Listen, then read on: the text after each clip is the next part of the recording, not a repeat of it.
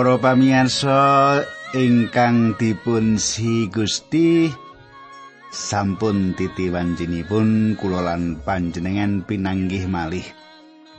Kados pundi pawartos panjenengan menapa panjenengan sae-sae sedaya keluarga panjenengan panjenengan piyambak sehat mekaten nggih inggih pandonga kula panji kados makaten panjenengan tangsa pinayungan dening Gusti ingkang muruping jagat.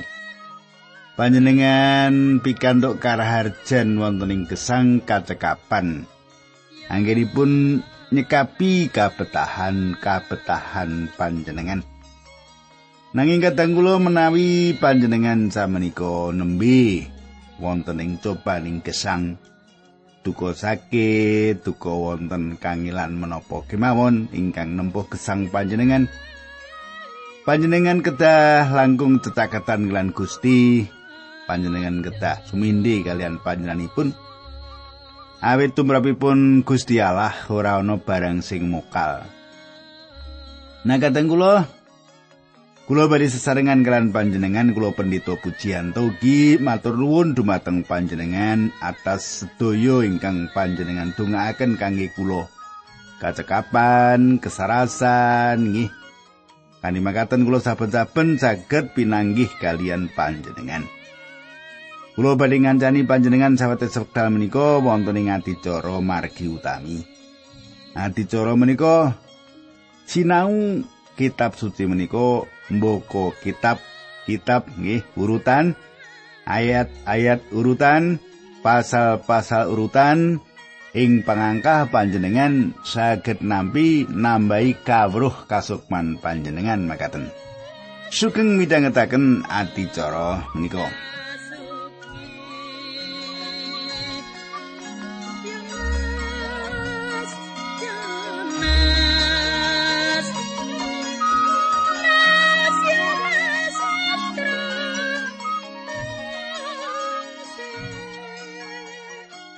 Para pamirsa menapa panjenengan tasih kemutan menapa ingkang kula aturaken nalika pepanggihan kepengker nggih pengajeng-ajeng kula panjenengan tasih kemutan. Wonten pepanggihan kepengker kita sampun nyemak kados pundi Gusti manjangaken gesang Hizkia umure Hizkia ngantos gang 11 tahun. Tasih kemutan nggih menika nggih. Salajengipun kados pundi? Kita badhe nyemak dinten menika nanging kula bingah menawi saged ngaturaken salam dumateng Pak Triasit nggih. Wah, Pak Triasit. Sampun tangun Pak Triasit niku ora tau telepon-teleponan kalian kula nggih. Kados pundi pakaryan panjenengan? Gereja panjenengan nggih. Pak Pendito ingkang kula sampun tepang. nggih, salam nggih, Pak nggih. Pak Triasit mugi-mugi panjenengan wonten ing tengah-tengahipun pesamuan pamireng ing panci menika. Monggo kita tumungkul kita ndedonga sesarengan. Duh Gusti Allah kawula manembah patuko. Kawula muji asma paduka Gusti mboten wonten Gusti ingkang kawula sembah kajawi paduka. Gusti Allah Sang Rama kasuwargan ingkang kawula tepang wonten ing asmanipun Gusti kawula Yesus Kristus. Kawula ngaturaken gunging panuwun Gusti paduka maringi wekdal wonten ing radio menika. Saged sesarengan kalian para sedherek kawula ingkang ngorong kayektosan saking pangandikan paduka. Kawula nyuwun tuntunan paduka linambaran asmanipun Gusti Yesus Kristus. Kawula ndedonga. Haleluya. Amin.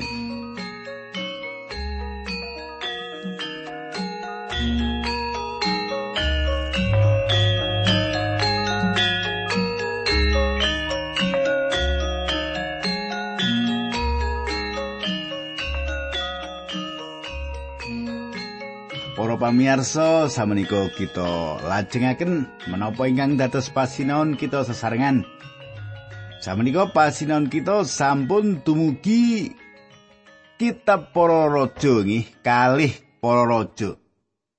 Kalih para raja babipun selikur.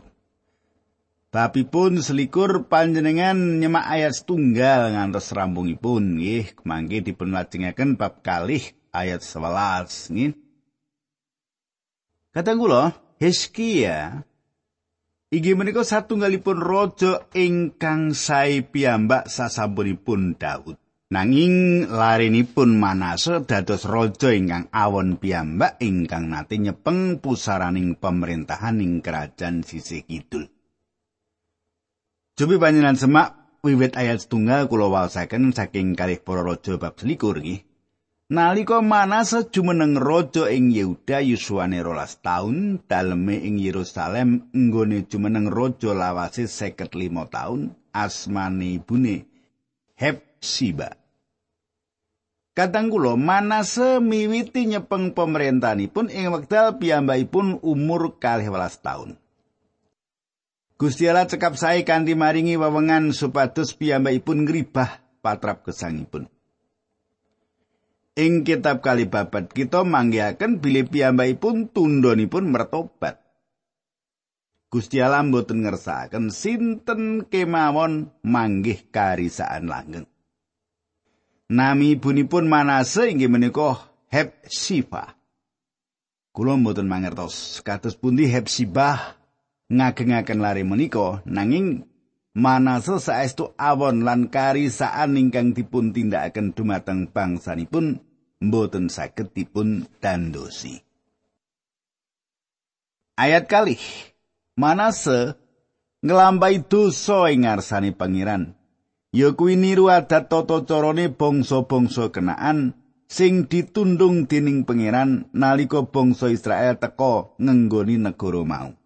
Para pamirsa, Manase sami awonipun kados tiang-tiang ingkang manembah brahala sanesipun ingkang dipun tundung Gusti Allah ing wekdal Gusti Allah nuntun umat kagunganipun dateng tanah menika. Ayat 3 panggonan panyembahan braholo sing wis dirusak dening Hizkia dibangun meneh. Manase yoso mesbeh-mesbeh kanggo nyembah Baalan gawe reca-recane Dewi Asera kaya sing ditindakake dening Ahab, raja ing Israel Manase uga nyembah lintang-lintang. Para pamirsa sayektosipun Hizkia sampun ngrisak papan pangibadah tiang-tiang ingkang ibadah dumateng Braholo. Nanging sedaya ingkang sampun dipun tindakaken dados ngloho tanpa gina awit Manasa wangsul ngedekaken mesbeh kangge manembah dateng Baal lan sedaya panguwas langit ugi ngibadah dumateng para panguwas langit menika. Kita ningali bangkitipun babakan astrologi lan kata sanget tiang ingkang dipun kendhaleni dening ramalan bintang utawi horoskop. nek tuku majalah sing digoleki horoskop bintangku. nek majalah basa Jawa laire dina apa? Kemis wage apa kemis legi temu pira ngira bejane taun pira judune ana ngendi nyambut gawe sing cocok apa nggih ngaten nggih Nah, menika ingkang dados pepalang kita gada iman ingkang yektos nggih.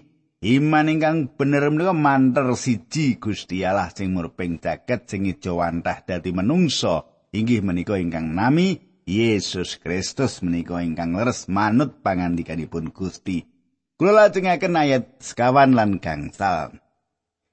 Pangeran wis dawuh yen pedalemane Allah kuwi panggonan kanggo nyembah marang Allah. Iwa semono manase yoso mesbeh-mesbeh kanggo nyembah para dewa.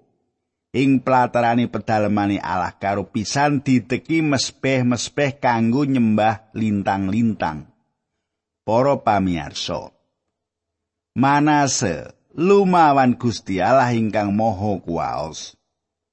Piyambakipun ngedekaken mespeh kangge manembah dhateng Brahala wonten ing pedalemane Gusti ing pundi Gusti Allah sampun ngendika ing kene ingsun bakal maringake asmaning sun. Kados pundi manut panjenengan patrapipun Manase menika? Sang Prabu Manase dadi pemimpin menika. Aja blawanan ngeten iki nggih. blawanan sembrono. Wong pedalamane Allah kok dikei brahala iki piye nggih? Nah, kula lajengaken ayat 6. putranipun dinggo korban obongan. Raja Manase ya olah ilmu tenung, ilmu nujum, ilmu gaib lan ilmu prewangan. Ya kuwi njaluk pitulungane roh-roh dosa-dosane sing mengkono mau njalari dukane Gusti Allah. Para pamirsa, patrap menika sayektosipun ngorbanaken manungsa, nggih. Ngorbanaken manungsa. Reca menika dipun panasi. Diobong nganti abang lan salajengipun bayi dipun papanaken ing reca menika minangka korban. Inggih kados makaten menika praktek anginipun manembah brala ingkang gegirisi kejem lan asalipun saking iblis. Ampun ditiru ben dikindong indit dewi. Nggih. Aja ditiru patra-patra ingkang kados makaten menika. Ayat pitu ngantos songo. Lambangi Dewi Asira dipasang ing pedalemane Allah Mongko panggonan mau Gusti Allah wis ngendika marang Daud lan Sulaiman putrane, "Pedalamanku ing Yerusalem mulane umatku Israel kudu padha nyembah marang aku ana ing kono." Lan yen umat Israel nindakake sakai dawuhku lan netepi pernatan-pernatan sing diwenehake dening Musa abdiku, aku bakal ora negakake umat Israel ditundung saka tanah sing wis diparingake marang para leluhuri. Nanging wong Yehuda padha rambangun turut marang pengiran malah manase nglakoni dosa sing luwih ketimbang karo dosane wong Kanaan sing dilungake dening Allah nalika umat Israel teka ngenggoni tanah kono. Para pamirsa, Mboten namung manase ingkang sami awonipun kados para tiyang ingkang manembah brahala malah piyambakipun langkung awon malih. Gusti Allah mboten badhe kompromi kalian piyawon ingkang dipun tindakaken tiang Israel. Gusti Allah badhe nundung tiang-tiang menika saking tanah menika. Ayat sedoso ngantos 13. Mulane Gusti Allah ngendika lantaran para nabi abdine mengkini. Raja Manase kuwi ala banget. Penggawene luwih ala ketimbang karo penggawene wong kenaan. lan brahala-brahalane njalari wong Yehuda ya padha gawe dosa. Mulane aku Allah sing disembah dening umat Israel bakal nekakake kasangsaran gedhe ing Yerusalem lan ing Yehuda nganti saben wong sing krungu bakal padha kaget. Yerusalem bakal ndak hukum kaya patrape nggonku ngukum marang Samaria lan Ahab raja Israel lan anak turune Yerusalem bakal ndak tumpes tepis kaya piring sing diasai lan dikurepaki. Para pamirsa, sami kados Gusti Allah sampun ngukum Samaria lan sedaya tiang Israel. Gusti Allah samenika badhe paring paukuman dumateng Yerusalem lan sedaya tiang Yehuda. Gusti Allah badhe nyucikaken tiang-tiang menika. Panjenengan saged kemawon rumaos pinter sanget lan gadah pikiran bilih panjenengan boten betahaken Gusti Allah. Nanging panjenengan sayektosipun lumampah wonten ing sakinggilipun bumi kagunganipun. Gitu ambekan ing salebetipun hawa kagunganipun. Gitu ginakaken sunar sang surya kagunganipun gitu lan ngunjuk toya kagunganipun. Leres lho Gusti Allah malah maringi badan. Ingkang panjenengan samenika dados kagungan panjenengan badan sempurna. Kathah bangsa-bangsa ing sadangunipun abad menika ingkang gesang tanpa Gusti Allah Tiang-tiang menika rumaos mboten betahaken Gusti Allah. Piye mbetahake Gusti Allah apa-apa cukup gitu. Duit akeh, bondo akeh, kok Gusti Allah Gusti Allah bareng nggo gitu. Eh, sare kesambet lajeng ora iso apa-apa, tele-tele nembe sambat-sambat. Bandane ra iso nggo manasake gitu. Wis ora iso tuku nyawane entek pirang-pirang juta ilang nyawane. Nggih, nek wis tekan kono dihukum ning neraka arek gitu. Ayat 14. penduduke sing isih kari bakal ndak ulungake dadi mangsane para mungsuhe sing bakal ngrutati kegamane lan jarah rayah negarane. Kadang kula Gusti Allah ngandika pilih panjenenganipun badhe ngedalaken astanipun saking loronging toya lan ngejaraken mengsah mlebet kados dene mubalipun toya bah. Ayat 16 mana sawis materi wong akeh banget sing ora salah. Mula ing Yerusalem getih wong resik mau kawutahake ing saenggon-nggon kuwi dosa sing dilakoni dening Manase kejaba nggone jalari wong Yehuda gawe dosa marang Allah mergo nyembah marang Brahala. Kadang kula ing wekdal satunggalipun bangsa dawa ing salebeting dosa. Bangsa menika mboten namung dosa ing satunggal perkawis. Bangsa menika dosa ing salebeting kathah perkawis. Kita mboten saged ngwalaken saking perkawis menika ngantos bangsa kita wangsul dumateng Gusti Allah. Kula lajengaken ayat pitulas ngantos wolulas. Riwayate Raja Manase liya-liyane lan bab dosa-dosane kabeh wis katulis ing kitab sejarah Raja-raja Yehuda. Manase seto lan disarekake ing petamanan kedaton ya kuwi Amon putrane gentosi dadi raja.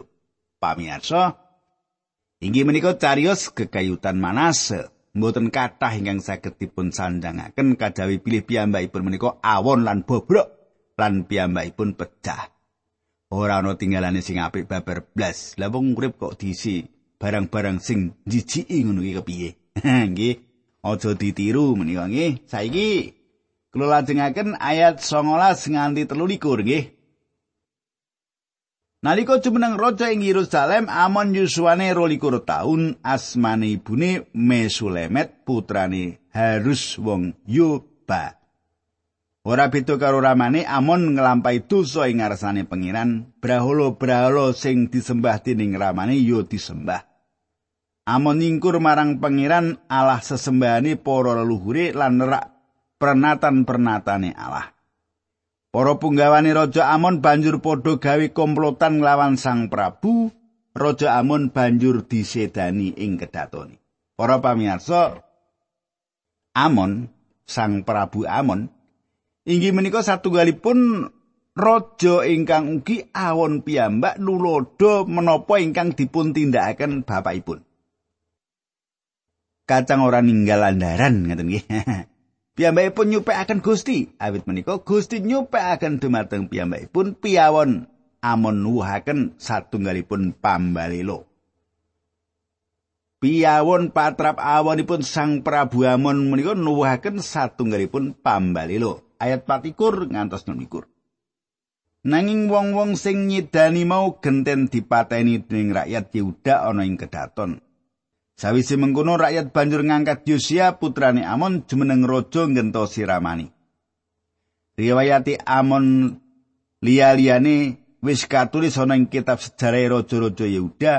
Amon disareake ana ing petaman Usa Yosia putrane ngentosi jumeneng raja. Kadang kula perangan menika nuntun kita dumateng pungkasaning raja-raja ageng. Nah kadang kula ora krasa kita samenika ngantik kalih para raja kitab kalih para raja bab kalih likur. Kitab kalih para raja bab kalih likur. Makaten surasipun ayat setunggalan kalih. Nalika Yosia jumeneng raja ing Yehuda yuswane wolung taun. Daleme ing Yerusalem nggone jumeneng raja lawase tulung puluh siji taun. Aswane ibune Yedida putrane Adaya saka Buskat. Yosia nglampahi dawuh lan gawe renane penggali pengiran manut tuladane Raja Daud sarta netepi sakai dawuh Allah kelawan ikhlas. Para pamirsa, sunar sang surya wiwit sumunar malih. Sunar menika wangsul madangi ing tanah perjanjian menika. Yosia sampun minggah damparing keprabon Piyambakipun mimpin satunggalipun gerakan ingkang nuwuhaken satunggalipun kebangunan rohani ingkang ageng piyambak ingkang nate dipun raosaken penduduk wiwit jaman Daud lan Sulaiman. Ing dasa menika kula gadah keyakinan ingkang teguh bilih satunggal-tunggalipun perkawis ingkang saged nyelametaken bangsa kita inggih menika kebangunan rohani. Kata patra pingkang boten gada moral nerak paugeran ingkang dumados sing sakiwa tengen kita inggih to Bangsa kita saweg gesang ing salebetipun dosa kados babi ingkang remen gupak ing endutan. Perkawis ingkang kawitan ingkang perlu dipun mangertos dening tiang Kristen inggih menika kebangunan rohani menika asipat pribadi lan person. Menapa ingkang kita betahaken jaman-jaman menika inggih menika satunggal politikus ingkang badhe sanjang kula sampun lepat. Kula badhe mulihaken kegayutan kalian Gusti Allah. Yosia Tiang ingkang jumeneng wonten ing kalenggahan ingkang inggil piyambak nindakaken menapa ingkang leres ing pamirsanipun Gusti. Ayat 3 lan sekawan kalih para raja-raja kalih likur. Raja Yosia kagungan sekretaris kedaton jenenge Safan bin Asalia bin Mesulam. Nalika Yosia anggone jumeneng raja nyandak 18 taun, raja mau utusan sekretarise menyang pedalemane Allah pangandikane. Nemonono Imam Agung Hilkia njaluk laporan piro duit sing dikelumpukake dening para imam saka wong-wong sing mlebu ing pedalemane Allah. Para pamirsa, perkawis kaping kali ingkang dipun tindakaken Yosia inggih menika ndandosi bangunan pedalaman Allah. Cetha pedalaman alam boten dipun ginakaken ing wekdal Yosia minggah dampar kebrapun. Bangunan menika dados kados dene gudang kangge nyimpen maneka warni barang. Ayat kang salah 6. Duit mau konon menehake marang para mandor sing ditugasake dandani pedalemane Allah. Duit mau kanggo mbayar rupai. Para tukang kayu, para juru gawe omah lan para tukang batu sarta kanggo tuku kayu lan watu sing dibutuhake. Kadang kula Yosia merintahaken rakyatipun supados ndandosi pedalaman Allah. Jaman samenika gereja saestu memper kados dene pedalaman Allah ing jaman Yosia. Gereja perlu dipun dandosi ageng-agengan. Kula mboten ngrembak bangunan ingkang ketingal, kathah gedung gereja ingkang endah ageng lan dudut manah. Nanging menapa Sang Roh Allah wonten ing mriku? Gereja samenika mboten saweg dados seksi. Tiang-tiang pitados sejati kedahipun wonten ing saenjawinipun gereja supados dados seksinipun Gusti, gitu. Ayat 8. Safan nglantarake dawuh Sang Prabu mau marang Imam Helkia lan Imam Helkia nuli genten lapor yen dheweke nemu kitab Torat ana ing pedalemane Allah. Imam Helkia ngulungake kitab mau banjur diwaca Safan.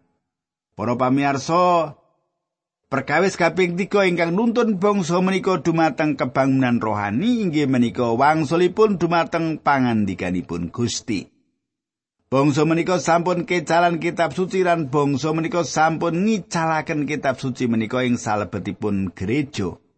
Nanging bangsa menika manggihaken pangandikanipun Gusti Allah lan mangsulaken kitab suci menika ing salebetipun gesangipun.